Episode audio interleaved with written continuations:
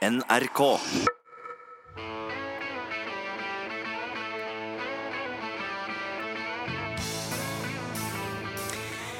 Hva gjør dette her med sinnsstemningen din, Birger? Jeg blir glad. Ja. Er ikke det litt av poenget? Jo, og nettopp denne gode følelsen, det er eh, litt av nøkkelen til suksessen for TV-serien, som altså heter Friends, som vi hørte kjenningsmelodien til her. Det sier skaperen av serien Marta Kaufmann til NRK. Serien den handler om seks venner i New York, og temaer er altså kjærlighetsliv, jobb og vennskap, blant annet. 24 år etter premieren på serien tiltrekker den seg fortsatt publikum i alle aldre. Hva er ditt forhold til TV-serien Friends? Jeg elsker Friends. Eh, Jeg har sett på Friends siden jeg var liten. Det er en veldig morsom serie. Veldig morsomt. Ja, Det er en gammel klassiker. Den har jeg ikke sett på veldig lenge. Barna mine ser den nå. Jeg syns de er jævlig heite alle sammen. Eller var. Nå er ikke de så heite. ja. Jo, OK, hun holder seg bra. Enten forholdet er nostalgisk, du har sett alle episodene minst ti ganger, eller du titter på det i ny og ne når du går på TV, så kan man vel trygt påstå at det er mange som har et nært forhold til TV-serien Friends. Eller Venner for livet, som den heter på norsk. Martha Kaufmann, skaperen av Friends, tror serien ble en så stor suksess fordi publikum forelsket seg i karakterene. I think um, these were characters that people loved and wanted to invite into their homes. They wanted to be friends with them. Friends forteller historien om seks venner i New York. Monica, Ross, Joey, Phoebe, Chandler og Rachel, som tilbringer mesteparten av tiden sin sammen. I don't even know how I would go about it. Oh, well, well, what I do is uh, I look a woman up and down and I say, hey, how you doing? Blant mange morsomme øyeblikk vil seerne kanskje huske da Kyllingen og Anna flyttet inn hos Joey og Chandler, eller da Ross synger en litt upassende nattasang for datteren sin. I like big butts and I cannot lie. You other brothers can't deny. When a girl walks in with an itty bitty waist and a round thing in your face, you get. For ikke å glemme da Ross og Rachel prøver å bli sammen igjen, men han bare må fortelle om et one night stand han hadde i mellomtiden. Og det må jo være greit, fordi We were on a break! Friends regnes som en av de største situasjonskomediene i historien. Og det som er så spesielt med serien, er at 14 år etter siste episode ble sendt, er det fortsatt mange i alle aldersgrupper som ser på serien. Kaufmann tror at serien er så tidløs fordi de var på rett sted, til rett tid, med de rette folkene. Stjernene i serien sto i kø. Brad Pitt, Reece Witherspoon og Bruce Willis, for å nevne noen. The, the stars were aligned. It was just we were in the right place at the right time with the right show and the right cast and the right writers. Men mest av alt tror Kaufmann serien var, og fortsatt er, en hit pga. godfølelsen den gir. Nesten litt som trøstemat. It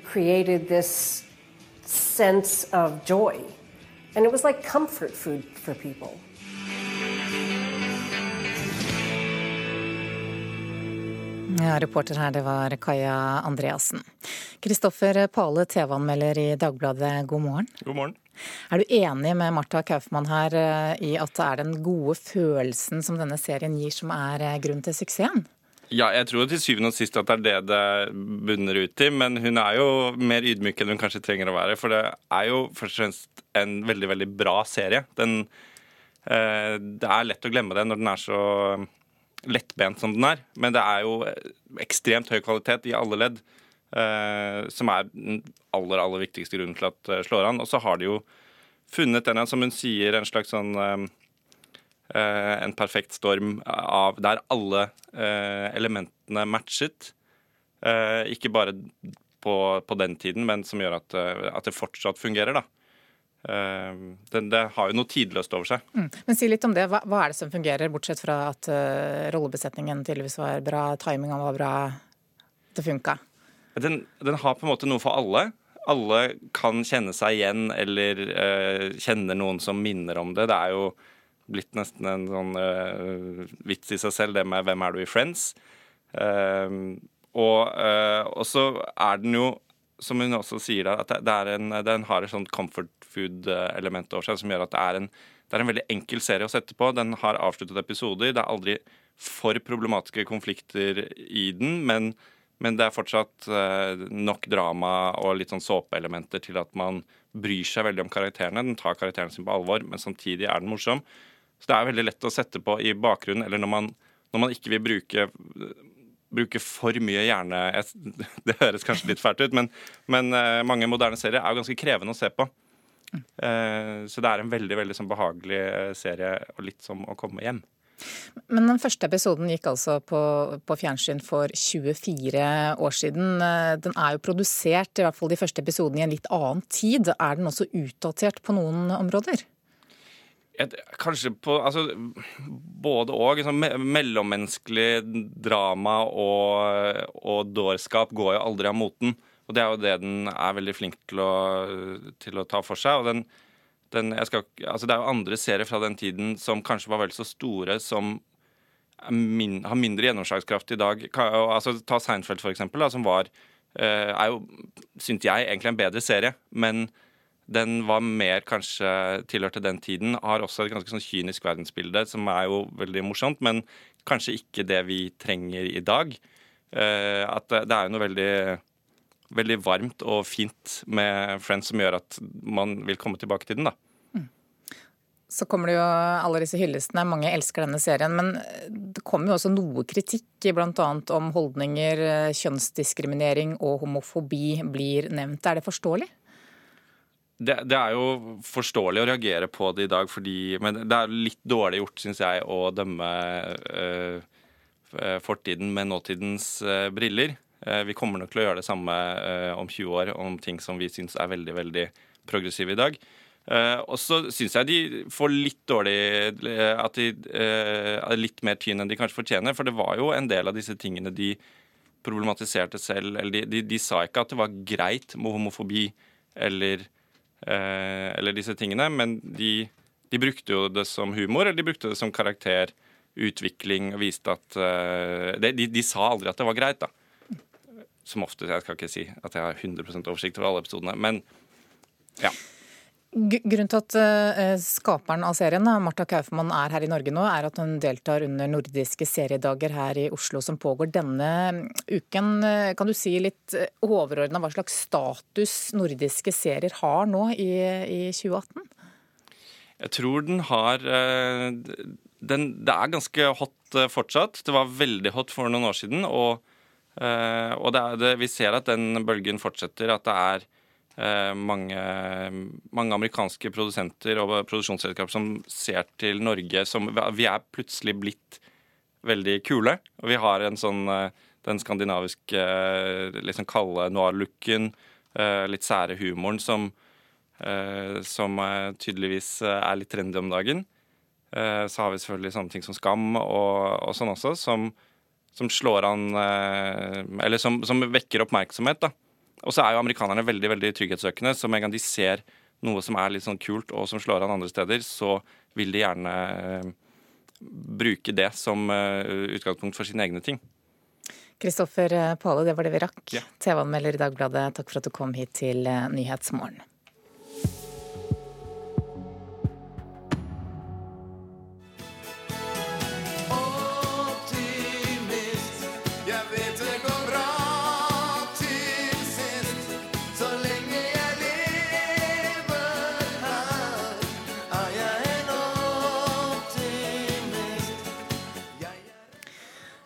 Kjente og kjære toner også her for mange. Jahn Teigens sang 'Optimist' og reporter Oddvin Aune.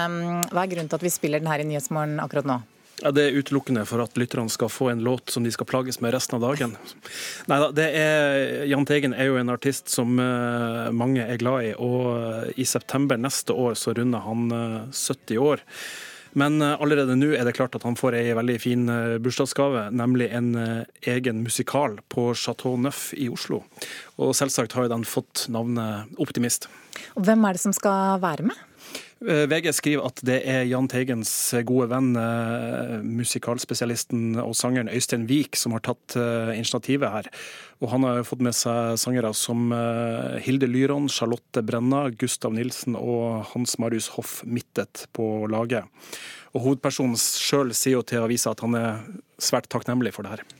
Men Blir det en slags Grand Prix-musikal, dette her?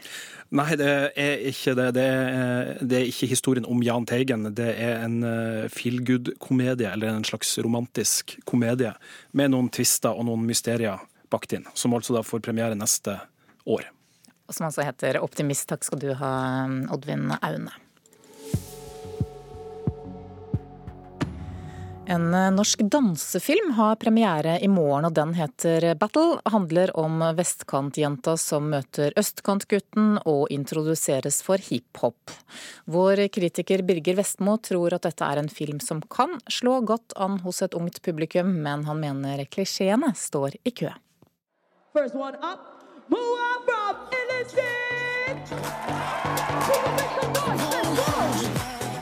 Norske dansefilmer er sjelden vare, men her kommer det en som tar sikte på å formidle ung og urban kultur med energisk utfoldelse og heftig musikk.